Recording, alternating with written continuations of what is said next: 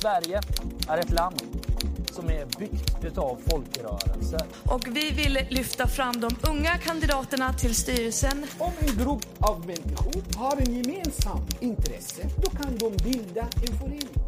Det är en gryende folkrörelse.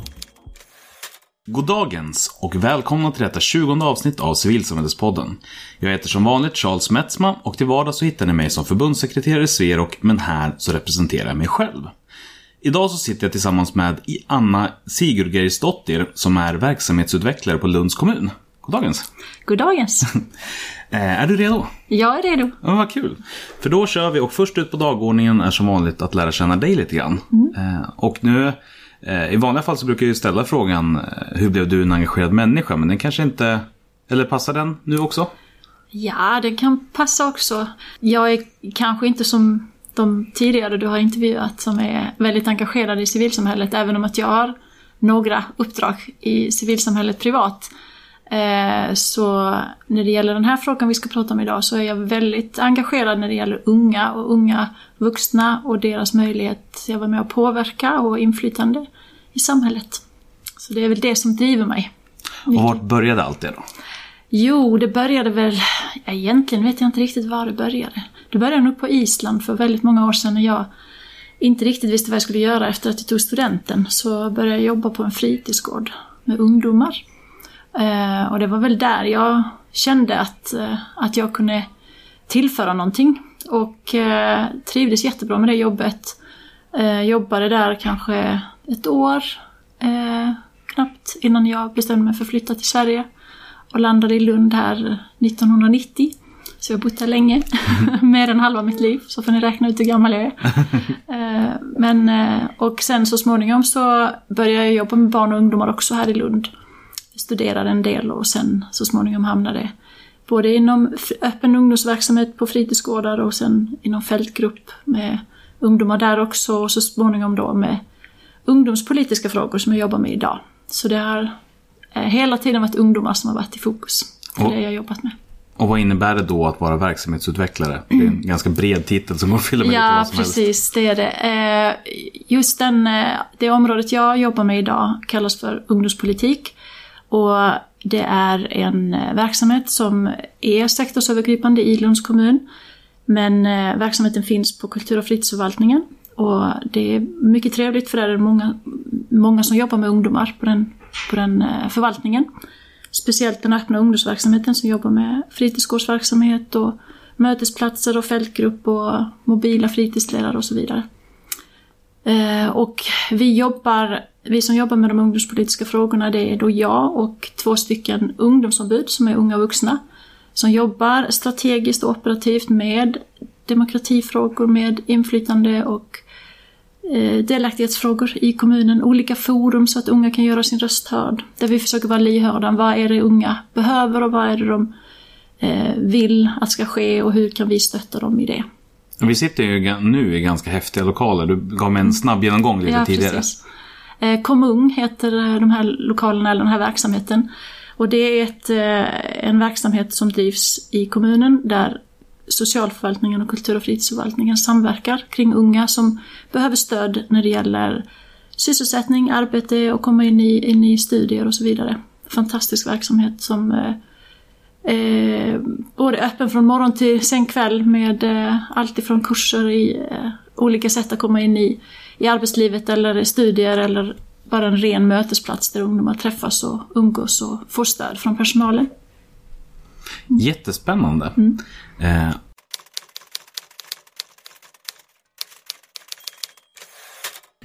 Och det var ju så här att jag hörde av mig till, till kommunen, eller ja, till till dig via kommunen. Mm.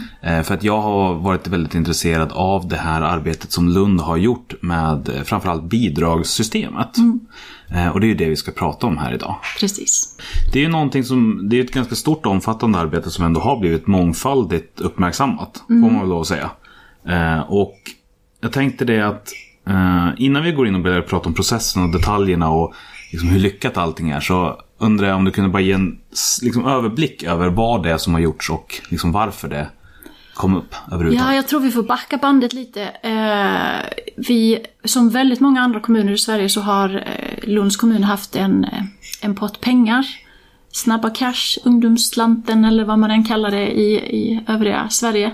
Eh, vi hade en pott pengar som vi kallade för kulturcash. Vi hade 300 000 som vi delade ut varje år till ungdomar som eh, ville göra projekt för andra ungdomar. Och med lite fokus på kultur. Eh, och, eh, och vi höll på med det och de pengarna eh, då eh, vi handlade ansökningar och allt som hade med den här bidragsformen att göra på den, inom den ungdomspolitiska verksamheten. Eh, och sen 2012 så behövde kultur och fritidsförvaltningen se över alla sina bidragsformer. Och då pratar vi om alla idrottsbidrag, eh, alltså lokstöd och lokalkompensation och alla, allt kulturstöd och, och hela den stora eh, biten. Och även eh, då bidrag till det som man kallar tidigare invandrarföreningar och pensionärsföreningar och, och studieförbund och så vidare. Och den stora bidragsöversynen satte igång 2012 och då blev ju den här lilla potten pengar, kulturcashen, en liten del av den utredningen. Och det var så det började. Eh, och sen så småningom när vi började nysta i det så visade det sig att det här var ju en, en bidragsform som hade potential och det fanns ett stort behov och det fanns väldigt många som var berörda. Och, och vi hade ju lärt känna väldigt mycket unga, eh, engagerade unga genom alla år via den här bidragsformen Kulturcash. Som ville så mycket mer och kände att eh, den bidragsformen räcker inte till för oss utan vi vill också kunna få föreningsbidrag och vi vill också kunna eh, utveckla andra delar, inte bara kultur utan även andra, andra delar som ungar, unga är engagerade i. Okej, men när du säger då att eh, 2012 så behövde ni se över bidragssystemet, hela alltihopa. Mm. Eh, det är ju inte någonting som de flesta kommuner bara vaknar upp och... Nej, men var, jag, jag minns inte hur många år sedan, eh, ti, sedan de hade sett över bidragen innan dess, men det var väldigt många år. Eh, och det är ju så att samhället förändras, behoven förändras, föreningarna har andra behov, digitaliseringen, det var väldigt mycket som behövde ses över. Och därför satte den här eh, utredningen, eller översynen igång som sen så småningom blev en gigantisk utredning och vi var väldigt, väldigt många involverade. Men vad var själva ingången i det här arbetet och vad var, så att säga, vilka effekter ville man uppnå? Man ville, eh, för det första så ville man ju tillmötesgå föreningarna. Det var ju först och främst föreningar som får bidra. Och, och även då andra som har fått stöd. Eh, man ville på något sätt hänga med i eh, vad som händer i, i samhället. Och, och man ville anpassa bidragsformer. Man vill också ha dialog med eh, de som får bidrag så att man kunde göra det så bra som möjligt för alla parter. Eh, så det var kanske den utgång, utgångspunkten vi hade från början. Som i att det fanns mycket verksamhet som inte var bidragsberättigad, eller? Ja, eller det fanns ju...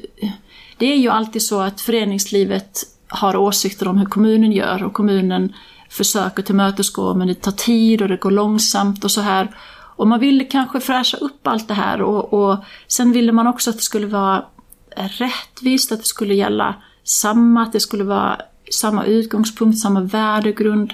Eh, att alla skulle söka på samma sätt för vi hade helt olika former för kulturbidragen sökte på det sättet och idrottsföreningarna sökte på ett annat vis. Och de här unga, alltså kulturcashbidragen var på något helt annat vis. Utan vi ville ha en tydlig struktur och samma ingång för alla, samma information för alla, samma värdegrund och så vidare.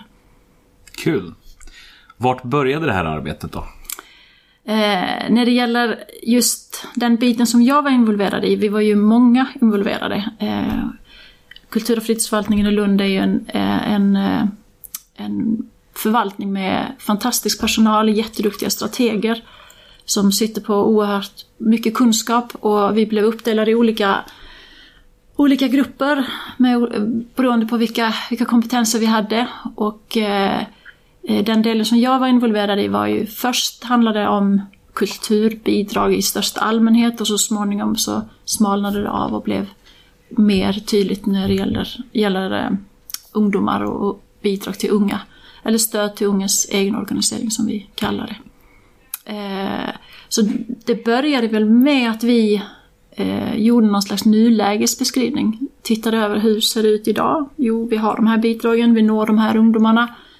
Eh, vilka är det vi inte når? Eh, och vi tittade på eh, jo, tog kontakt med bland annat Sverok och Fritidsforum och Vi Unga och så vidare, som är riksförbund då, för att ta reda på hur många föreningar finns det som är Eh, kopplade till er som finns i Lunds kommun.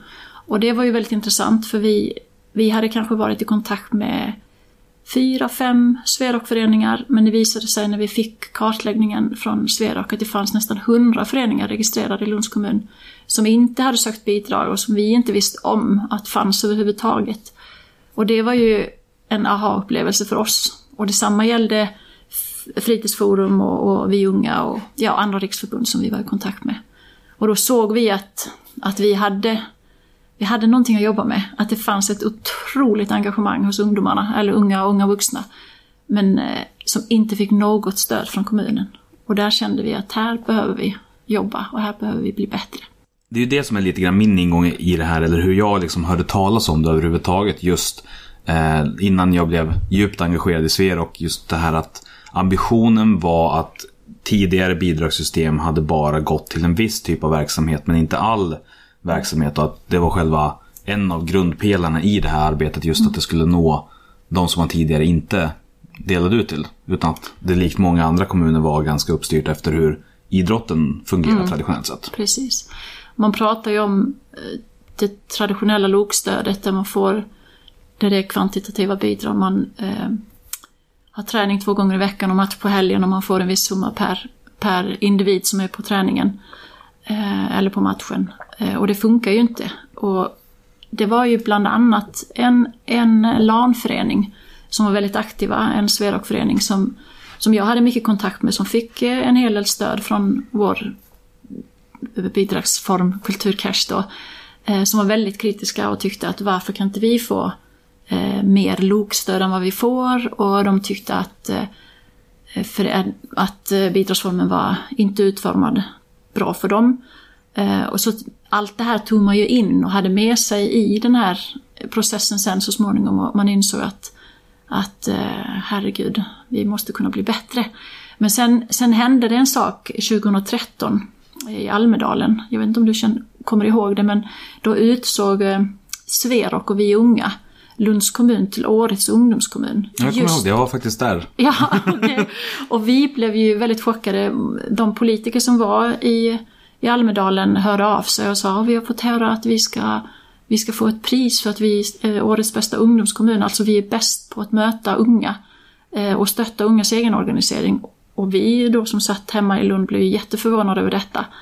För vi tyckte inte alls att vi var bra. Vi hade de här 300 000 som vi delade ut och vi hade någonstans en obehaglig känsla ändå i, i, i eh, vad ska man säga, i kroppen att, att de här 300 000 vi delar ut varje år, de, de, där når vi verkligen inte ut till alla. Det är ungdomar som kan ta för sig, som vet vad de ska söka, som har ett visst utbildningskapital och, och så vidare, som har förmågan att formulera sig bra och skicka in ansökningar. Det är de ungdomarna vi når.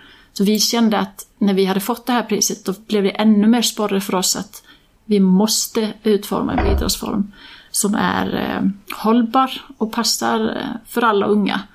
Och då någonstans eh, började det föras en tanke att det funkar inte att det finns en tant på kommunen eh, eller en gubbe på kommunen som, som ska vara den som tar emot ansökningar och delar ut pengarna utan vi måste ha en bred organisation med väldigt många professionella ungdomsarbetare som stöttar ungas eh, organisering. Eh, och det var där vi började tänka att eh, våra fritidsledare i kommunen är en jätteviktig viktig part i det hela. Ja, nej, men jag, jag, jag, var inte involverad själv så att jag var en av de som beslutade om priset. Men däremot så har jag pratat med dem i efterhand och det var mycket mm. den här ambitionen som man började se som, mm. som gav upphov till det. Just att det fanns den den rörelsen framåt. Mm, precis. För att det är väldigt många kommuner som inte har landat i slutsatsen av att så här, men, vi behövde göra om alla våra bidrag. Precis, och jag tror att en, en faktor i det hela har ju varit att vi har haft väldigt modiga politiker i Lunds kommun och vi har haft modiga chefer på vår förvaltning som har trott på det här. Eh, och trott på den ungdomspolitiska verksamheten och trott på att anställa unga vuxna. Och de här ungdomsombuden som har jobbat i, i alla år, ända sedan 2009 tror jag vi började ha ungdomsombud. Eh, de har ju naturligtvis varit den här länken mellan unga ute i kommunen, unga som engagerar sig, unga som vill engagera sig men inte riktigt vet hur, och kommunen och på något sätt tankat över både allt positivt och, och kunnat stötta men även det här missnöjet och det som man känner att kan bli bättre. Och det är just det vi har tagit till oss. Vi har haft unga vuxna anställda i vår förvaltning som har varit en del av de här olika processerna och det är ju naturligtvis en framgångsfaktor. Men så ni började med att liksom inse att men här kanske finns ett problem. Sen skaffade ni er eh, kunskapen om hur det faktiskt ser ut och då så bekräftades den Mm. liksom, farhågan om att det inte nådde alla och att projektformen kanske inte var den bästa och så här. Precis. Hur började ni sen faktiskt göra någonting åt det här? Ja, och- sen är det så att vi som redan är frälsta, alltså jag som vill inget annat än att eh, stötta unga i alla, alla möjliga sammanhang och mina kollegor. Eh, vi kände att det här måste vi, det här måste nå fram till våra chefer och till våra politiker eller de som fattar beslut i vår kommun. Så då ordnade vi faktiskt tillsammans med Sverok en eh, dialogträff här, eh, fast faktiskt i de här lokalerna också.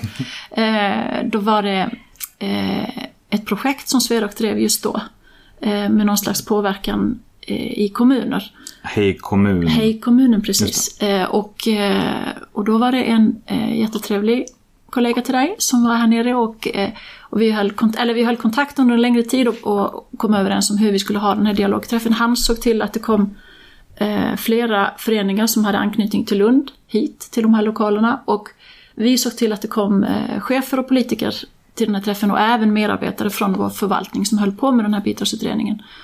Och det var nog kanske, det var en oerhört viktig eh, del i utvecklingen för att det var precis som polletten ramlade ner. Alla de här tjänstepersonerna, cheferna, politikerna som har jobbat eller som har kunskap om bidrag hade inte riktigt den kunskapen tidigare. Och efter den här träffen, då var det precis som vi hade inget motstånd längre. Utan då var det som att, jaha, okej, vi ska se över alla bidragsformer, vi ska se över alla föreningsbidrag, alla kulturbidrag och allt det där. Och vi ska se till att hitta bra bidragsformer för att stötta ungas egen organisering. Men, men vad gjorde ni på det mötet? För jag antar att ni inte bara satt i samma rum och sen Precis. så löste sig Nej, allting. det var ju så att de här eh, föreningarna som var på plats, eh, de visade upp sin verksamhet. De kom ju, det var ju LAN och live och cosplayföreningar. Eh, och de hade med sig filmer och utrustning och alla möjliga saker och och visade upp sin verksamhet. Och kunde på något sätt visa på att det som sker, sker i dem eh, när de träffas eh, är ju inget annat än föreningsverksamhet som har lika stor eh, betydelse för samhället som alla andra föreningar. Eh, och på något sätt kunde man se att ja, men här har vi ett gäng som träffas ute i naturen och lajvar, de eh, skriver manus, de syr sina egna kläder, de bygger rekvisita, de eh, lagar mat, de, eh, ja, ja du vet. Men, men var det bara spelinriktade föreningar? Eller Sverok? Det var bara Sverok-föreningar på just den träffen. Och det kanske var det som vi behövde kanske övertyga mest. Det finns ju en del föreningar som håller på med politiska ungdomsförbund, det finns ju föreningar som håller på med socialt engagemang och vi har eh, Röda Korsets ungdomsförbund, vi har eh, eh, Tamam som är en fantastisk förening här i Lund som jobbar med samhällsfrågor. Eh, Vi har eh, ja, flera föreningar som jobbar med demokratifrågor och så. Och det var inte så svårt att övertala kanske andra om att det var bra. Men just det här med LAN och live och cosplay, det har varit lite svårare att få in det i, i systemet. Eller var svårare, det är inte det längre. Mm. Men det, den, det var en eh, avgörande eh, del i hela processen, den här dialogträffen. Ja men det kan jag verkligen förstå för att det är klart att eh, om man inte ser verksamhet som finns och inte förstår den då är det svårt att se behovet utav den. Precis. Precis. Och sen det vi gjorde sen i den här eh, stora utredningen då, he, hela, hela utredningen var att vi hade ett antal dialogträffar med alla föreningar. Vi blandade hej vilt. Vi hade stora möten i, i stadshallen där vi bjöd in idrottsföreningar, kulturföreningar, ungdomsföreningar. Där vi diskuterade och hade workshops och, och flera olika frågor som vi, vi behövde få svar på, hur vi kunde gå vidare. Så vi hade hela tiden under den här perioden vi hade den här eh, bidragsutredningen så hade vi dialog med föreningarna hela vägen. Eh, sen måste jag kanske erkänna att det fanns ett visst motstånd från vissa traditionella idrottsföreningar när de började förstå att här kommer en ny grupp in eh, som, som kanske vill ha en del av kakan. Eh, och då blir man ju naturligtvis som förening orolig för att kanske vi får mindre eller och någon annan ska ta över eller eh, hur än man ser på det. Men nu efteråt så, så fick vi ökning i ramen så att eh, så då, ingen blev av med några bidrag. Ja, ni det blev- omfördelade inte utan ni Nej, ökade. Vi, det blev en ökning så det blev en, en väldigt positiv eh, utveckling och, och våra politiker ville satsa på det här så att eh, man eh, utökade ramen för bidragen. Hur stor var ramen innan och hur stor är den nu? Ungefär alltså. Ja, oh, jag, jag kan inte de siffrorna helt så där, men eh, det är ganska mycket pengar. det beror lite på hur man ser på det, för det är, en del är ju, vi har en del uppdragsersättningar, vi har stora kulturverksamheter i Lund som får väldigt stora summor pengar. Räknar man in det så är det ju en jättesumma som man delar ut varje år i bidrag till, till civilsamhället. Men eh, sen är det ju lite beroende hur man ser på det. Men vilka var det då som i den här utredningen och i den dialogen framåt som, som kom till som tidigare inte hade fått stöd? Var det bara spelföreningar eller var det annat också? Det var eh, definitivt inte bara spelföreningar, för den bidragsformen som vi har nu tagit fram heter Stöd till ungas egen organisering och är till för alla unga i åldern 13 till 25. Så det är ju eh, alla möjliga föreningar som kommer in där. Eh, och projekt. Jag kan berätta lite mer exakt om hur bidragsformen är utformad. Eh, vill du att jag gör det nu? Kör! Okej. Ja, men det Men- blir jättebra, för då, om det inte är någonting mer kvar innan det här i liksom förarbetssteget som, Mm som är viktigt som vi, som vi missar annars. Mm. Men jag kan säga att eh, det vi kom fram till var att eh, fyra teman kan man säga. Eh, det som allting landade i så småningom. Och de fyra teman är då stöd till föreningar med verksamhet för barn och unga, det vill säga traditionella idrottsföreningar eh, där man har eh, lokstöd och så vidare. 7 till 20 år gamla eh, är målgruppen där. Sen har man stöd till publika arrangemang och det är det som kanske man skulle, eller det vi kallade tidigare kulturstöd. Och även till vissa eh, idrottsföreningar som har större arrangemang. Sen har vi stöd till folkbildning och lika möjligheter och rättigheter. Och det är det som tidigare var invandrarföreningar och studieförbund och, eller och pensionärsföreningar.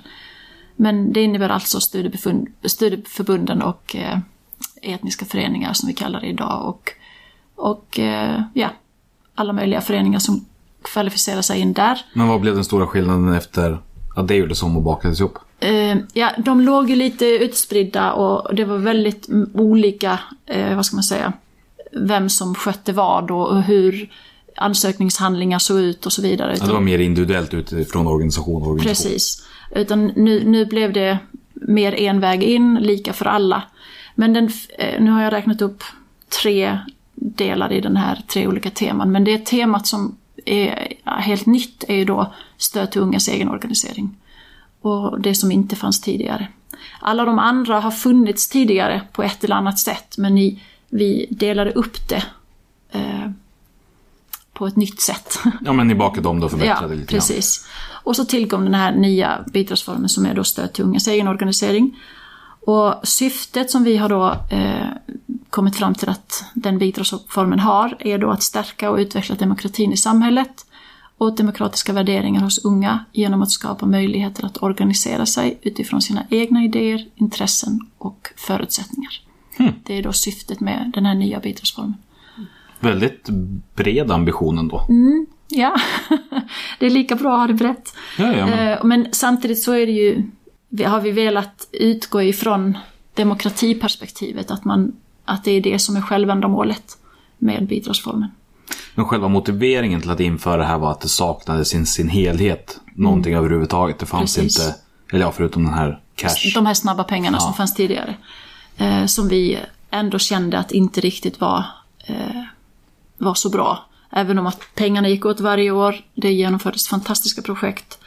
Eh, och det var ju en viktig grupp unga som var med där för de var så drivande och de ställde krav på kommunen. Men vi kände ändå att hur ska vi nå ut till alla andra unga som inte är drivande och som inte vet hur de ska ställa krav på kommunen och inte har, kanske har den förmågan. Och det är där vi, eh, det är där, dit vi har kommit nu. Men innebär det också att ni har gått från, vad ska man kalla det, alltså så fria grupper eller annan organisering till att bara stötta föreningsverksamhet? Nej, Nej. utan den här bidragsformen inne, innefattar två eh, bidragsformer. Den ena kallas för projektbidrag eh, och den andra för föreningsbidrag. Och projektbidrag, vi, vi använder som eh, Arbetsnamnet är Unga leder unga, så vi säger det projektbidrag, Unga leder unga och föreningsbidrag, Unga leder unga. Och projektbidraget har en pott på 450 000 och föreningsbidraget har en pott på 900 000. Det är en hyfsad ökning från de 300 som det var Det tidigare. är det verkligen. verkligen. Men sen fanns det ju en del eh, föreningar som de politiska ungdomsförbunden och Röda Korset och lite andra som låg i LOK-stödet. Men de har vi nu lyft över till föreningsstödet inom, inom Unga leder unga eller stöd till ungas egen organisering. Så att det har ju lättat kanske på LOK-stöds, eh, vad ska man säga, Trycket. trycket, men, men, och kommit över till ungdoms eller stöd till ungas egen organisering. Fast det var inga jättesummor det handlade om. Så att, eh, men eh, där är de i alla fall. Och sen har vi då eh, eh, lite olika regler som vi har tagit fram. Och när det gäller projektbidraget så ska projektet ha anknytning till Lunds kommun eh, på något sätt. Eh, det ska Rent geografiskt då eller? Ja, och då, och då handlar det lite om att vi har uttryckt oss så här att det ska anknytning till Lunds kommuns område eller kommunens medlemmar. Det är lite så juridiskt för att det ska bli rätt. Men det har mycket att göra med att vi har väldigt många unga som går i skolan i Lund men kanske bor i en annan kommun. Men det ska inte vara så att, att det ska vara ett hinder. Eh, Men vi vill ju att projekten och det som görs ska gynna Lund och det som händer i Lund. Så vi delar inte ut pengar till projekt som sker i andra kommuner, utan det ska ske i Lund. Eh, och det här handlar alltså om projektpengarna. Eh, det ska anordnas av unga som är i åldern 13 till 25. Eh, det får naturligtvis inte gynna enskilda personers ekonomiska intresse. Och det får inte syfta till välgörande ändamål. Man kan alltså inte söka pengar för att ge bort dem hur än fint ändamålet är. Och det kan inte anordnas av kommunala verksamheter, alltså vuxna eller de som jobbar i kommunen kan inte söka pengar därifrån. Eh, och sen har vi också varit tvungna att sätta in ett, en regel då kring att man inte kan köpa livsmedel eller investera i, i utrustning. Och det är lite för att vi har fått in mycket ansökningar där folk vill köpa datorer och vill köpa ljudanläggningar och så vidare. Och så vidare. Och det, det finns ju inte utrymme för det, utan då försöker vi istället hjälpa till att man hittar rätt i kommunen där man kan låna saker. Det finns ju oerhört mycket saker att låna i kommunen och vi har ju koll på alla de, alla de delarna. Så det är ju de grundreglerna för projektbidragen. Men samtidigt så har vi, håller vi hela tiden på med att skriva praxis för att vi hela tiden ska vara rättvisa mot alla. Så att inte vi gör en sak för någon grupp och någon annan sak för en annan grupp. Men har ni märkt att, de här, att det här projektformen når fler än de kulturcatchen som var Ja, tidigare? Det kan jag säga. Var, varför gör det?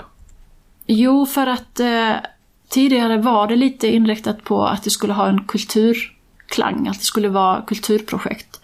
Och om jag bara tittar här nu lite snabbt på projekt som fick eh, bidrag nu under 2016 så var det ju musikaler och spex och teaterprojekt, fotbollsturneringar, musikfestivaler, Harry Potter-event, eh, motocross, debattklubbar, eh, Ung Fri Media-projekt, innebandy för unga på, på loven, spelevent, LAN, bubbleboll, du vet de här stora bollarna man kan hyra, och, och, och så vidare och så vidare. Så det är ju inte bara kultur. Alltså nu har vi öppnat upp för även fotbollsföreningar, vi har haft eh, eh, stora utomhusfotbollsturneringar, eh, till exempel nu i somras och, och så vidare. Så det är ju alla möjliga projekt som inte bara är kultur. Men, men det är ju en bredd i verksamheten som så. Men har ni märkt en skillnad i vilka som söker? Det har vi absolut gjort. Ja. Det har vi absolut gjort. Men jag kan, jag kan berätta lite mer om det sen. Ja, innan, jag, innan jag berättar om det så kan jag berätta lite mer om, om den andra bidragsformen, alltså förenings, föreningsbidraget. Mm. som då eh, har eh, också då regler. Och det innebär alltså att föreningen måste ha sitt säte i Lunds kommun. Eh, den ska ha minst tre medlemmar som är boende i Lunds kommun. Eh, medlemmarna ska utgöras av minst 60 procent av personer i åldern 13 till 25 år. Alltså 60 procent måste vara i målgruppsåldern. Och även då styrelsen, där måste majoriteten vara i målgruppsåldern. Så då kan ju inte några vuxenföreningar eh, hijacka de här pengarna. Utan då måste eh, det finnas unga och unga vuxna i styrelsen. Det som, eh, som jag brukar kalla för ungdomsföreningar på riktigt. Alltså, precis. Där man också har makten. Ja, och det är mycket det vi har pratat med. Vi fick ju mycket stöd av Sverok när vi höll på med det här och bollade med, med bland annat Sverok kring de här reglerna när vi höll på att skriva dem. Eh, och sen naturligtvis får det inte gynna medlemmarnas e- ekonomiska intresse. Men det är de grundreglerna vi har när det gäller föreningsbidraget. Eh, Ingenting superkontroversiellt låter Nej, eh, en grej är kanske lite kontroversiell och det vet jag att ni på Sverok, eller Sverok bland annat och andra riksförbund har hittat lösningar på. Och det är att vi kräver att minst en styrelseledamot måste ha fyllt 18 år. Och det är ju för att, det är inte för att vi, att det är ett, ett krav från kommunen på det viset utan Eh, och det är inte för att man måste vara 18 för att starta förening, eh, utan det handlar om att bankerna eh, öppnar inte föreningskonto om man inte är myndig. Eh, vi har stött på lite patruller när det gäller det. Vi har haft, sen bidragsformen började, två föreningar som har varit kritiska och lite upprörda över detta. Eh, eftersom de inte har haft någon som har fyllt 18 och då har vi försökt stötta dem så mycket vi har kunnat ändå och uppmuntrat dem att söka projektbidrag så länge. Men att starta sin förening, ansluta sig till en riksorganisation, men att vi har, vi har kunnat ge dem eh, projektbidragsstöd istället. Då. Men kravet är 18 år även om föreningen på något annat sätt har lyckats skaffa sig ett föreningskonto. Ja, precis. Ja. Ja, ja det har vi gjort. Vi, vi, där är vi idag. Och, och det, nu har, är det som sagt bara två föreningar som har mm, haft problem med det här och vi har ändå lyckats hjälpa dem att lösa det. Och då har vi inte ändrat på reglerna än i alla fall. Så, men vi kommer att utvärdera alla de här bidragsformerna och se över allting nu under kommande år. Redan nu igen. Eh, alltså, ja, vi vill ju utvärdera om det är någonting som behöver finslipas. Inte, inte förändra, inte någon sån lång fyraårig utredning igen. Men, men, eh, men om det är något som behöver finslipas så, så ska vi se över det. Mm. Eh, det som jag ville säga innan var ju att eh, eller ja, innan jag säger det så ska jag berätta för er hur vi gjorde. För att just det här med, okej nu har vi då ett föreningsstöd till föreningen, men hur ska vi då bestämma vilken nivå och vilken summa pengar de här olika föreningarna ska få? Och det är inte lätt och då behöver man hitta någon, någon slags, eh, ja någon slags, mm, vad kallar man det, nivå för det eller någon, någon eh, strategi för det. Och det. och det höll vi på med ganska länge innan vi kom fram till att vi skulle ha fyra olika nivåer. Eh, och att vi skulle ha ett startbidrag, så helt nya föreningar utan att de behöver göra så himla mycket mer än att starta och visa på att de är en förening och lämna in det som vi kräver att de lämnar in. Så får de 3000 kronor i startbidrag. Sen har vi tre nivåer till eh, och det beror lite på eh, antal medlemmar. Men där är ju dialogen väldigt viktig för att vi, vi vill ju veta vilken mognad har de, vilka ambitioner har de, vilka, hur ser verksamhetsplanen ut, eh, hur många är de, hur länge har de hållit på eller är de helt nya? Och det är utifrån det vi sen sätter in dem i olika fack och där kan man få allt ifrån ja, 4 000 då eller strax över då startbidraget eller upp till 50 000 som är den absolut högsta summan man kan få som förening på årsbasis. Och då är det till, till den dagliga verksamheten, alltså det man har planer på att göra under ett år. Men, men har ni alltså en, en aktiv dialog med varje enskild förening? Ja, det har vi. Ba- Bara det tycker jag är skithäftigt. Ja. alltså utifrån, alltså för att det blir ganska resurskrävande antar jag också. Ja, det, det är klart att det gör. Eh, och det som är förändringen nu från som det var tidigare när vi hade de här 300 000 som vi delar ut varje år. är att vi har en, en person som är handläggare för bidragen som, som han jobbar ju med andra saker också, men han, han är ju extremt noggrann, följer upp eh, och kontaktar alla som skickar in ansökningar, har dialog med dem, diskuterar om de, kan, om de behöver komplettera eller kan förändra saker för att det ska bli bättre och, och stötta dem på alla sätt och vis. Men det som kanske är framgångsfaktorn i allt det här arbetet är att nu har vi ju alla våra fritidslärare, vi är cirka 50 fritidslärare i Lunds kommun, som alla har kunskap om den här nya bidragsformen. Och alla vet hur den fungerar och kan stötta. Så alla föreningar eller projekt som får stöd eh, från den här bidragsformen eh, blir tilldelade en coach om de behöver det. En person som kan stötta dem och hjälpa dem. Så därför behöver de ju inte vara eh, så himla insatta. De behöver inte kunna starta en förening, de behöver inte kunna skriva en projektansökan utan det kan de göra tillsammans med fritidslärarna. Ja, precis. Det räcker med att Bara- ha en ambition och en vilja Precis. så... Bara att de har en idé och att det är deras idé och att det är de som vill driva det. Och sen kommer fritidslärarna in och stöttar. Men har ni sett att det har startat... Det, det låter som att det måste ha startat massor med nya föreningar Mm. också. Absolut. Inte massor med nya föreningar, men en hel del nya föreningar har startat. Och, men det har däremot eh, blivit en otrolig ökning i projektansökningarna. Mm. Eh, jättemånga fantastiska projekt som har drivits eh, sedan bidragsformen tillkom. Ja, Men då förstår jag verkligen också hur det kan ha nått de människorna som kanske tidigare stod utanför. När det finns den, Exakt, eh, exakt. vad ska man säga, massan av människor som bara är redo att hjälpa till. Jag kan berätta lite, när, när bidragsformen blev klar och antagen av, av eh, vår nämnd och så vidare och allting klubbades och skulle börja starta. Så hade vi utbildningsdagar för fritidsledarna eh, inledningsvis. Och jag kan rabbla upp för dig lite här vad, vad de gick igenom på de här, vad vi, eller vad vi gick igenom på de här utbildningsdagarna. Vi hade till exempel både Fritidsforum och Sverok med oss som höll i, höll i vissa delar och, och berättade om sina riksorganisationer och, och hur de jobbade. Och varför valde ni att ta med det? Varför vi valde, ha med, varför vi valde att ha med dem? Ja, istället för att bara köra det själva. Eh, för att vi kände att, eh, att det skulle tillföra jättemycket.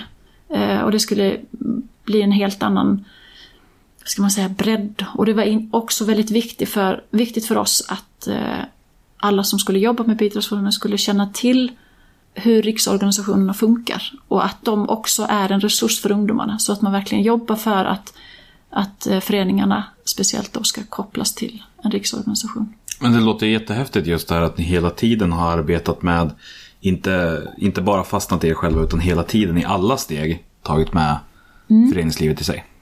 Jag måste säga att vi har varit väldigt beroende av det. Det hade varit väldigt ensamt att hålla på och försöka göra det här på egen hand och, och nå fram. För att nej, det har varit en jättebra resurs att ha med, ha med riksorganisationerna. Men jag kan berätta att eh, lite punktvis här vad vi gick igenom under de här utbildningsdagarna med fritidslärarna. Det var ju alltså att informera dem också om helhetsbilden om alla bidragsformer som finns i förvaltningen. Alltså inte bara unga leder unga eller stöd till ungas egen organisation, utan helhetsbilden på alla bidrag, kulturstöd, studieförbund, idrottsföreningar och så vidare. Och så vidare. Och sen behövde de ju, fick de ju information om den här nya bidragsformen, unga leder unga. Exakt eh, hur vi har tänkt hela vägen eh, och så vidare. Eh, sen hade vi kunskap om demokratiperspektivet, att det är de, den demokratiska processen som är självändamålet. Och kunskap om ungas egen organisering, hur, hur har det sett över tid, hur, vad har förändrats, hur organiserar sig unga förr och hur organiserar sig unga nu. Man pratar ju mycket om det här att, att unga organiserar sig det finns ju myter om att unga inte alls organiserar sig idag, eh, som du naturligtvis känner till. Jag Men- ler väldigt stort men det går inte in i mikrofonen. Nej, precis, jag såg det. Men, men, eh, och det är ju många som går i den och har den föreställningen, även de som jobbar med unga. Men det kunde vi ju berätta att förr så kanske man engagerade sig i ideologiska frågor och i, i stora massrörelser kring någonting som man brann för. Men idag så är det mycket mer individuellt. Eh, att man utgår ifrån sig själv och sina egna intressen och så vidare.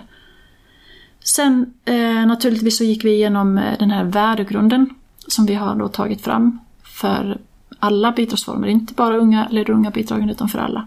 Men finns det, om man tittar översiktligt på den, är demokrati är ju ett återkommande tema som du pratar om. Men vilka andra liksom, huvudsakliga principer har det varit för er att I värde, så mycket? tänker du värdegrunden eller? Ja men precis. Ja, Framförallt där- är den som... Så värdegrunden bygger på eh, diskrimineringsgrunderna, eh, ekologisk hållbarhet och drogförebyggande förhållningssätt. Mm. Så det är det vi har utgått ifrån när det gäller, eh, när det gäller värdegrunden. Eh, och sen har vi, har vi kört en eh, ren föreningskunskap. Vi beställer böcker om hur man startar en förening. Alla fritidslärare har fått varsin bok hur man startar en förening. De har fått suttit och, och gått igenom hur man fyller i papper till Skatteverket och hur man beställer ett organisationsnummer. De har gjort fiktiva föreningar för att just träna på det här och vara förberedda. Men samtidigt så är det ju en lärande process för alla inblandade. Så det är ju både så sitter man, eller träffar man en grupp unga som vill starta en förening så är det ju inte så att det är självklart att man vet hur det funkar utan det blir ju en lärandeprocess för alla inblandade. Eh, Till exempel personalen i det här huset har ju hjälpt ett par, tre föreningar starta.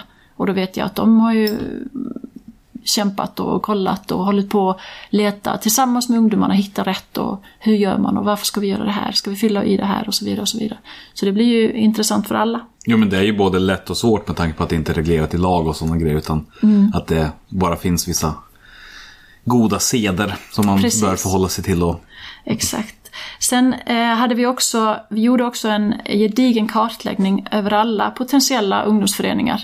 Eh, vi hittade alla de här Sverok-föreningarna som fanns i Lund och vi eh, kartlagde även alla studentföreningar och alla möjliga föreningar. Det var ju hundratals föreningar i Lund som, som möjligtvis skulle kunna söka stöd från den här bidragsformen. som tidigare då hade stått utanför Som, i sin helhet. absolut. Eh, Och den kartläggningen fick ju alla ta del av. Och de fick ju titta att det här i, nu jobbar jag i det här bostadsområdet på en fritidsgård eller på en mötesplats. Och det finns så många föreningar som finns här som skulle kunna komma in i systemet eller få stöd. Sen tittar vi på delegation och beslutsprocesser. Hur ser det ut i en förvaltning? Vem, vem gör vad och så vidare. De har fått utbildning i coachande förhållningssätt. Vi har diskuterat mycket med fördelning mellan genrer så att man inte bara fastnar i att det ska vara musikprojekt eller bara fotbollsprojekt eller vad det är för någonting eller skate eller LAN eller vad det är. Utan att man tänker bredden. Vi har också pratat mycket om eh, intersektionella, intersektionellt perspektiv, att man måste ha det med sig. Vi har pratat om eh, Lund som, som stad, men vi har även eh, byar, fyra stora byar som tillhör kommunen, som ligger en bit härifrån. Eh, och att det är viktigt att ungdomarna där ute också ska ha tillgång till de här bidragsformerna. Sen har vi tittat på civilsamhället i stort. Vad är, vad är civilsamhället? Vad, vad har det för betydelse för samhället i stort? Och hur, eh, hur hade Sverige funkat utan civilsamhället? Det hade troligtvis inte funkat. Men, men eh, vad, vad är det som händer? Det är det här kittet emellan all, överallt som gör att saker och ting rullar på. Koppling till riksorganisationer har vi diskuterat. Vilka riksorganisationer finns det? Hur kommer man in? Hur ansluter man sig till en riksorganisation? Och det var där Sverok och Fritidsforum och så vidare kom in. Vilka, vilka är det som hanterar bidragen på vår förvaltning? Hur ser den ekonomiska administrationen ut? Vi har e-tjänster idag, vi håller på med en, en stor förvandling till digitalisering så småningom. Så allt det är ju också varit en del och, som alla behöver ha kunskap om. Och sen ibland så kanske inte våra bidrag räcker till. Och då behöver man ju veta var man kan söka bidrag, om det finns stiftelser eller fonder eller stöd på regional eller nationell nivå för att Eller euro- europeisk nivå. Ja, eller europeisk nivå, absolut. Så att eh, ungefär de delarna har vi gått igenom med fritidslärarna. Och Både, hur många heldagar var det här? det här var ju, eh, egentligen var det ursprungligen kanske två halvdagar eh, som vi la på det här. Och sen har vi gjort många inspel efter det, för man behöver fördjupa sig i olika saker. Så att vi som har varit inblandade i det här har varit ute på områdena och pratat eh, och eh, fördjupat oss i olika delar. Beroende på, sen finns det ju en jättestor kunskap hos många eh, inom, inom eh, den öppna ungdomsverksamheten i Lund eh, som kan det här och har, jag, jag är jätteengagerade så kunskapen finns. Men har det varit någonting som man har behövt extra kunskap om så har vi hjälpt till eller fått in experter som kan hjälpa till med det. Men det här tycker jag är jättespännande för det är en parameter som jag inte alls har hört talas om tidigare. Jag har ju bara varit perifert och liksom hört att ja, man gjorde om så att de som stod utanför och inte kunde söka bidrag tidigare, nu kan de söka. Men det här är ju något otroligt mycket större än det. Precis. Och det som också är en kanske eh, en viktig faktor i det hela är att ungefär när eh, den här nya bidragsformen höll på att ta form och bli klar och beslutades i, i, i nämnden och skulle börja gälla, så höll man också på samtidigt med att ta fram ett nytt verksamhetsuppdrag för den öppna ungdomsverksamheten i Lund. Där man insåg att, att stöd till ungas egenorganisering, eh, samverkan med civilsamhället eh, och de här bitarna var oerhört viktiga. Och så småningom när det Eh, uppdraget blev klart så står det klart och tydligt i det att bidragsformen är en del av kärnverksamheten. Alltså helt plötsligt har fritidsledarna i Lund fått eh, en ny roll, ett väldigt tydligt uppdrag att jobba med.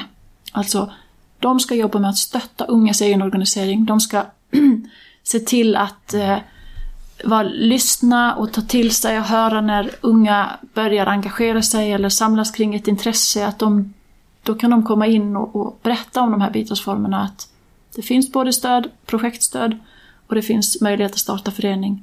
Och, och, vi finns här som stöd om ni vill. Och det har ju gjort att väldigt, väldigt många projekt har startats och väldigt många föreningar har också startats. Ett mer liksom, kollektivt engagerande förhållningssätt. Precis. Mm. Och det som, eh, det som vi har sett också är att eh, i Lund har vi, har vi då ett antal öppna mötesplatser. Men vi har även en grupp med fritidsledare som kallar sig för mobila gruppen. Som är mer mobila och rör sig runt i kommunen. Vi har ju en fältgrupp som jobbar mer eh, främjande med, med unga men mobila gruppen är mer, eh, jobbar lite på annat sätt. De, och de har verkligen tagit till sig det här uppdraget att jobba med bidragen och, och gör allt varje dag. Går de och pratar om bidrag med ungdomar och berättar och, och stöttar och det har eh, genererat jättemånga spännande projekt eh, under, det här, under den här tiden sen, sen de började jobba. Jag tycker att det här förhållningssättet är så himla häftigt. Alltså att inte bara göra en enorm satsning rent resursmässigt utan sen också arbeta för att eh, få ut de pengarna, att de ska användas. Mm. Därför att i vissa kommuner som jag har varit i kontakt med i liksom mitt övriga ideella liv så har det varit Jo, det är klart att pengar finns men vi ser helst att ingen söker dem för att de behövs på förvaltningen i annat. Ja, och jag har ju ofta hört att, eh, att pengarna går inte åt. Och då kanske har en jämnstor kommun som med Lund kanske 200 000 eh, eller 100 000 och, och de går inte åt. Och då, då känner man att det kan inte stämma. då gör man någonting fel, för då är det fel personer som gör reklam för pengarna. Och då är det fel personer som hanterar pengarna. Eh, för att det, det finns så stort behov och så mycket engagemang bland ungdomarna ute i våra städer att eh, det ska inte finnas några pengar som blir kvar. Jag vet det var någon av fritidslärarna i mobila gruppen som sa Anna, det ska inte vara en spänn kvar i slutet av 2017. Och jag bara, oops! och det tycker jag är jättehäftigt. Att man har den ambitionen att och det är inte för att man själv vill förverkliga sig själv utan man, man inser att det är ju ungdomarna som kommer att förverkliga sina idéer och sina, sina projektidéer och, och kommer att växa med det. Och det är det som är det häftiga. Okej, men då vet vi vart det liksom började, hur vi kom fram till nu och så har vi någon slags överblick av själva ambitionerna i nuläget. Men hur går det liksom till rent praktiskt då? Jo, eh, vi har ju eh, e-tjänster så att eh, alla eh, föreningar och alla projekt som söker bidrag eh, kan ju göra det digitalt. Och det är ju inga problem när det gäller unga. Det har varit lite svårare för kanske traditionella föreningar att söka digitalt. Men eh, vi, eh, det går till så att de söker och i de ansökningsblanketterna som finns då, eller formulären, så eh, fyller man ju i om man har stöd av någon vuxen och då ska man ju skriva att det är den och den mötesplatsen eller den och den personen. kan vara någon på någon skola eller på... kan vara vem som helst. Det behöver inte bara vara fritidsledare som är stödpersoner. Men man uppger det. Eh, och om man inte uppger det så, så kan man ju få det om man behöver. Sen rasslar ju de här Men ansökningarna... tanken är att alla liksom grupp, alla projekt, alla föreningar ska få någon som de har kontakter med på något Ja. sätt. Liksom. Mm. Om de, om de inte har någon ute i mm, kommunen, ute i verksamheter på skolor eller fritidsgårdar eller så, eh, så, så, kan, så har de ju alltid personalen på förvaltningen som, som stöttar eh, person, personen som handlägger alla ansökningar. Eh, men eh, sen rasslar det ju in i inkorgen, det kommer in eh, ansökningar. Och då har vi sagt så här att eh, det, det är fritt att söka när som helst under året, även föreningar. Vi har inget sånt här stoppdatum någon, någonstans, utan du kan söka föreningsbidrag i, i november. Eh, så det är inte så att, som det brukar vara, att det måste vara inne senast 1 mars eller vad det är för många andra föreningar. Eh, Och tanken bakom det är att man ska kunna starta upp när som helst under året eller? Mm, ja. Eh, och eh, när det gäller projektbidragen så eh, vill vi, eh, ger vi besked senast tre veckor efter inkommen handling. Eh, och när det gäller föreningsbidragen så försöker vi också ha det i den takten. Eh, men sen finns det en grupp då som, eh, som är en arbetsgrupp som behandlar de här ansökningarna. Eh, och den är ju utvald geografiskt, att vi har någon från den öppna ungdomsverksamheten som kommer från våra byar. Vi har någon som kommer från eh, mötesplatserna i, eh, i Lund då. Eh, och sen har vi någon som kommer från eh, eh, vår mobila grupp. Och ytterligare då har jag suttit med där också som en som gammal räv som har varit med från början. Och så har vi ett ungdomsombud också med där. Så det är en ung vuxen som är med i beslutsfattandet. Och det är väldigt viktigt för ibland kommer det in ansökningar som kring kanske intressen eller trender eller någonting som vi kanske, som är lite äldre, inte kanske förstår oss helt på. Då är det väldigt bra att ha med någon ung som också är med där och handlägger. Sannolikheten är större att den personen känner till det. Eh, absolut. Verkligen. Och då, eh, och då tittar vi igenom alla handlingar som har kommit in, alla förberedelser inför mötet och vi går igenom det tillsammans och vi har jättemycket olika åsikter emellanåt och, och ibland eh, får vi ställa frågor till projekten eller föreningarna hur de tänkte här och vad, om de skulle kunna göra på ett annat sätt för att på något sätt eh, falla inom ramarna för våra regler ifall det är någonting som är utanför. Och vi försöker stötta. Det är inte så att vi bara avslår och så får de bara ett mejl att nej, avslaget. Utan alltid dialog, alltid förklaringar, alltid försök att få dem till att kanske, ifall ifall, det är inte ofta vi avslår, ytterst sällan. Men då försöker vi i alla fall eh, hjälpa dem på rätt väg. Eller hjälpa dem till någon annan som kan stötta dem. Men hur stor andel skulle du säga är liksom att skriva en bra ansökan eh, kontra liksom någon annan, det här samtalet? Vilket är det som, är, som gör att du får pengar? Eftersom vi ofta har någon kopplat till projektet som är kanske anställd i kommunen. Så har man några funderingar och, och det kanske kommer in en ansökan som inte är väldigt tydlig så kan man ofta få tydligheten från någon annan, från någon vuxen som är kopplad till projektet. Men ni jobbar liksom att söka, så att det viktiga är inte att man ska kunna formulera sig i skrift, Nej. utan det viktiga är att man vill någonting. Precis, verkligen. För det är ju annars det som jag känner generellt sett är det största problemet med projektbidrag. Just det här att det verkligen kommer de som, som kan, det. Som kan formulera sig. Ja, att det är den, Vi de, har absolut fått in ansökningar som har varit mycket enkla och, och, och, och så vidare. Men då har man ju bara tagit reda på och fört en dialog. Det är mycket lättare att prata med folk än att bara läsa det som skrivs i en, en ansökningshandling. Eh, nej, så jag skulle nog säga att dialogen är det absolut viktigaste Mm. eh, när det gäller ansökningarna. Jo men det är, det, är, det är vad jag hör genomgående just det här att ni har en vilja att bli, eller använda pengarna, att de ska Mm. Precis. Mm. gå till det de är avsatta för, inte... Och sen är vi, är vi noga med, med värdegrunden, att, det ska, att den ska hålla. Att det ska vara projekt där, där man, eh, eller föreningar som driver verksamhet som, som utgår ifrån värdegrunden. Där man har ambitionen att nå så många som möjligt och att det ska vara mm, arrangemang eller, eller verksamhet som ska vara öppen för alla. Eh, och så vidare och så vidare. Så att det, det jobbar vi mycket med. Men sen när, när vi har då lämnat ett, ett besked då, ett positivt besked till projektet eller till föreningen. Och föreningarna är ju som ni känner, eller du känner till att eh, de får ju sin, sin summa pengar och sen kan inte vi lägga oss så jättemycket i vad de gör med sina pengar. Utan eh, det får vi se sen när de redovisar tillbaka. Eh, men projekten, eh, där är det lite olika. För det, det, det får jag ofta frågor om, men hur gör ni? Hur går ekonomin till? Kan ni verkligen skicka ut pengar till personer som är omyndiga och så vidare? Och där har vi också tankarna kring eh, vilken ambitionsnivå det finns, vilken nivå, mognadsnivå är det på projektgruppen. Eh, och då har vi olika sätt. Antingen så betalar vi ut 75 procent av den beviljade summan och så resten när de har redovisat tillbaka. Eh, eller så går ekonomin igenom en, en av våra mötesplatser, alltså vi bara gör en intern överföring till mötesplatsen och så sköter fritidslärarna där alla kvitton och fakturor och så vidare som har med projektet att göra. Och det, det är ganska bra att man har den möjligheten att eh, stötta, för alla kanske inte så vana att hantera pengar. Eh, och det är inte schysst heller att förvänta sig att de ska lägga ut, om de kanske söker pengar för ett projekt som är kanske på 10 000.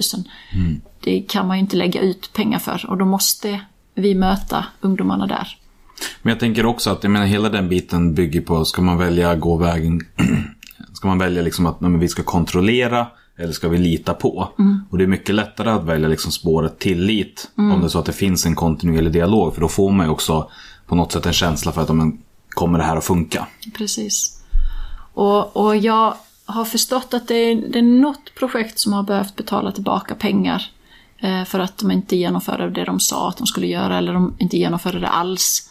Eh, men det har inte varit några problem. Ett av 900 000 i några år, det känns inte som.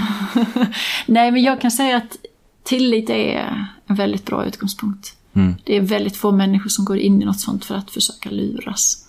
I så fall försöker man nog luras på något annat sätt. Men eh, det har funkat jättebra. Mm. Jättespännande. Och sen har vi tagit fram ett formulär också för eh, projekten speciellt. Och det har ungdomsombuden alldeles nyligen tagit fram. Ett formulär för att kunna redovisa tillbaka. För att, man, att redovisa tillbaka vad man, hur projektet gick, eh, om man, det gick enligt förväntningar, hur många var det som kom, vilken, hur mycket pengar gick det åt, och så vidare och så vidare. Det är inte alla som kan heller formulera det på så bra sätt. Och då är det ju synd att, att det ska bli fel för att man redovisar dåligt tillbaka. Och då har vi tagit fram ett enkelt formulär så att eh, antingen de själva som har drivit projektet eller tillsammans med sina, sina coacher kan då fylla i det och helst bifoga någon bild eller någonting så att man ser, kan se hur allting har gått till. Så ni kan gå tillbaka till nämnden och säga fortsätt. Precis, ja. fortsätt med den här Precis. Ja. Att, äh... men, men om, eh, nu har ni ändå, man kan väl på något sätt säga att den här resan ändå är ganska i hamn, även om det inte har avstannat i sin utveckling. Mm. Men om ni hade gjort om det här nu från början, idag. Vi börjar idag så ska mm. ni göra allting igen. Vad hade gjorts, an vad hade gjorts annorlunda då? Eller var det liksom själva jag är väldigt glad för eh, och nöjd med den dialog vi hade med, med föreningar och, och riksförbund och så vidare. Men jag hade nog kanske haft ännu mer eh, dialog, ännu mer samarbete. Men nu handlar väldigt mycket om tid och det tar tid. Det har, tar tid att ordna dialogmöten och, och sitta och traggla saker tillsammans. Men jag tror att jag hade nog velat ha ännu mer dialog med, med målgruppen. Eh, för att det kanske hade ändå gått snabbare någonstans än att vi sen sitter på vår egen kammare och försöker hitta lösningar ibland själva. Eh, utan mer dialog mm. med de som det berör. Men det är ju det jobbiga, att demokrati ja, tar ju tid. Det, det, gör ju det. Och jag skulle nog ändå säga att vi har haft en väldigt bra dialog, men, men jag tror att man hade kunnat ha mer dialog. Vad jag har förstått det så har det också här varit någonting som Eh, har inspirerat många andra kommuner att mm. påbörja liknande processer eller åtminstone tänka på det. Har det. Vet du om flera andra som har gjort någonting liknande som man också kan vända sig till för att om man nu börjar liksom bli intresserad av att men någonting sånt här vill jag börja driva hemma hos mig. Jag, jag kan säga så här att jag kan inte ens räkna hur många kommuner vi har haft på besök i Lund. Och, vi, jag har tillsammans med mina kollegor rest land och rike runt och varit på olika konferenser och varit i andra kommuner eh, och berättat om den här bidragsformen, eller om hela utredningen i stort. Och, och, och varje gång vi berättar om hela utredningen så, så landar det ofta i att man pratar väldigt mycket om just den här bidragsformen, för den, den är det här innovativa, det här nya, eh, lite mm, framåt-tänket. Och det är väldigt många kommuner som är intresserade och väldigt många kommuner som, som vill. Men eh, jag vet faktiskt inte om det är någon som har gjort något liknande det här. Men det är väldigt många kommuner, kommuner som har egna snabba pengar. Eh, och eh, kanske är nöjda med det. Att de har en pott pengar för unga och mm, där man kan söka 5 000 eller 10 000 för olika projekt. Men jag hade gärna sett att fler eh, gjorde det till en, en, eh, en del av hela bidragssystemet. Inte bara som en liten pott pengar vid sidan av utan att man lät, dem ta, lät det ta mer plats. Jo, men, men jag tänker också att det som låter som är det absolut största i den här biten är att, jag vet inte, på något sätt synen på, eh, det känns som att ni har en unik syn på alltså, vad den här satsningen är för någonting. Alltså det vill säga att det är pengar som avsätts eh, och de ska användas och de har ett tydligt syfte och det finns en, en vilja och en ambition att det här ska nå så många som möjligt. Alltså hela det här, Ja. alltså på det sättet som du pratar om det är för mig ganska, eh, i i min begränsade erfarenhet får jag väl säga, men unikt. Ja, men det, det är härligt att du säger det, men jag tror att vi har alla den ambitionen. Kanske hade, om pengarna inte går åt, om inte de här bidragen används, då är det ju ett misslyckande för oss. Att vi har tagit fram någonting som ingen kommer åt. Eh, och någonstans bygger ju allting på ett behov och ett önskemål och eh, någonting som har kommit från ungdomar. Att vi, vi vill också finnas med i, i systemet. Vi vill också vara med och få bidrag. Och vi vill också få utvecklas och, och ja, genomföra projekt och starta föreningar. Och det har vi ju lyssnat till och, och sett till att, det har, att den här bidragsformen finns. Och hade det floppat någonstans där, så hade det varit riktigt trist, måste jag säga. Skönt att det inte har gjort det då. Ja, jag är väldigt glad för. Och det är ju mycket tack vare alla fritidsledarna som är ute och gör ett fantastiskt jobb. Och driver den här processen och verkligen tror på det. Och det är det viktiga, att man tror på att eh, stöd till ungas egen organisering är något som är bra för samhället. Och det, det tror jag mycket på.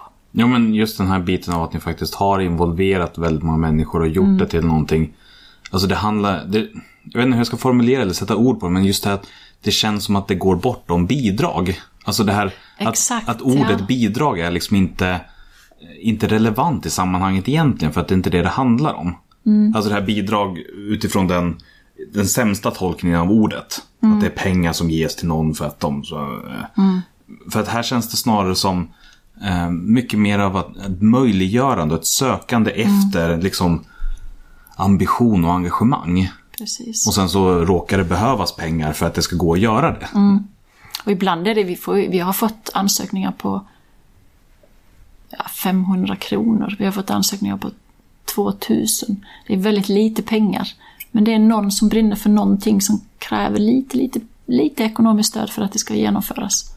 Och, och sen, sen växer ju individerna med det ansvaret och med det, den upplevelsen de får. Och vågar ta nästa steg och vågar söka igen. Och det är det som är häftigt. Det låter jättecoolt. Eh, finns det någonting som jag, som jag inte frågar om som känns relevant i sammanhanget? Eller som du har tänkt att "Ja, men det här måste jag också få med? Jag tror att eh, det, kanske, det jag kanske skulle vilja säga är att man inte ska vara så rädd. Eh, för det, är, det här är ju ingenting som görs över en natt och det här är ingenting... Eh, man kan inte. Jag menar, jag, jag kan inte allt som har med det här att göra idag. Jag har inte startat en förening själv. Eh, även om att man har varit engagerad i det här. Utan att eh, man ska inte vara rädd och man ska inte vara rädd att blanda in och fråga andra och, och våga samarbeta med civilsamhället eller med riksförbunden eller vad man ska säga. Att man på något sätt vågar släppa den här garden att vi är kommunen och ni är ni. Utan vad kan vi göra tillsammans? Det tror jag är jätteviktigt. Och se varandra som resurs för att det ska bli bra för, för våra medarbetare, eller våra med, människor och, och invånarna i kommunen. Och, Och man letar efter de gemensamma målen och visionerna som... precis. precis. Det här har varit jättehäftigt att få höra och jag, jag har lärt mig massor. Jag tänkte att jag skulle komma hit och, ja men det här vet jag väl hyfsat vad det är och nu, det vore kul att sprida det till andra. Men, men jag har fått en helt annan bild av, av det enorma och väldigt... Det som jag tyckte var häftigt innan tycker jag är ännu häftigare nu. Vad bra du tycker det. Ja, jo, men jag har ju bara haft den här begränsade bilden av eh, de Sverok-föreningarna som har varit engagerade i processen och sen har berättat tillbaka. Jag hoppas att det är några politiker eller beslutsfattare eller chefer i, som lyssnar på det här. För att jag tror att det är otroligt viktigt att vara modig som, som chef eller politiker i en kommun och, och våga lyssna på unga. Och den här verksamheten som vi har i Lunds kommun som vi kallar för ungdomspolitiken, som vi har hållit på med sedan 2002 ungefär. Eh, det är någonting som är en, en väldigt viktig del av kommunens struktur och, ver- och, och verksamhet i stort. Och alla förvaltningar och, och många verksamheter ser ungdomspolitiken som en viktig del. Och att unga ska vara med i beslutsprocesser och vara med i forma sitt eget liv och, och, och på något sätt få makt över sitt eget liv och så vidare. Och det, det är någonting som, eh, som är en framgångsfaktor när det gäller de här bidragen. Jag tror att det har varit en viktig del i det hela att, att kommunen och, och alla som, som är, styr i den här kommunen, de ser unga som en resurs och de är vana vid att ha unga med i alla möjliga sammanhang. Eh, och det, det är någonting som jag tror att har varit en av framgångsfaktorerna. Ja, men det känns som att ni har varit många som har varit modiga samtidigt. ja, precis, det kan man säga. Eh, Men som en sista fråga nu då bara. Eh, Om, den som, om det är någon som lyssnar nu och känner att men det här, eh, jag vill veta mer för att jag vill driva det här gentemot min egen kommun så att de fattar det. Eller jag är en del av kommunen och jag skulle vilja veta mer. Eh, Finns det någonstans där man kan vända sig? Jag tänkte du sa att jag har varit land och rik runt. Ja. Åker du runt fortfarande eller finns det här sammanfattat bara skrivet att läs här istället? Precis. Eh, Vi har, eh, vi har ju en på lund.se, vår hemsida, inte så sexig adress men där finns det ju, jag tror det är lund.se slash kultur och fritidsbidrag. Där finns det ju mer information om alla bidragen. Och där kan man också gå in på ansökningsblanketterna och se vilka kriterier man ska fylla i och så. Och även lite kontaktuppgifter. Sen har ju den ungdomspolitiska verksamheten i Lund en egen hemsida som heter ungelund.se. Där man eh, hittar information om oss och kontaktuppgifter. Men, men vi har, eh, om det är någon som är intresserad så går det jättebra att höra av sig till, till mig. Eh, den här bidragsutredningen som vi gjorde, den finns ju i, i pappersformat, det är en liten lunta. Eh, där vi verkligen har beskrivit alla de här fyra temana vi kom fram till och varför vi kom fram till dem och vad som ligger bakom det. Eh, Det gjordes en gedigen nulägesbeskrivning, en omvärldsbevakning och, och, och så vidare. och Så vidare. Så det finns ju jättemycket material skrivet. Finns det här digitalt uppe på webben någonstans? Det ligger nog inte uppe på webben, men däremot skickar vi ut det om folk är intresserade. Så att eh, det är bara att höra av sig.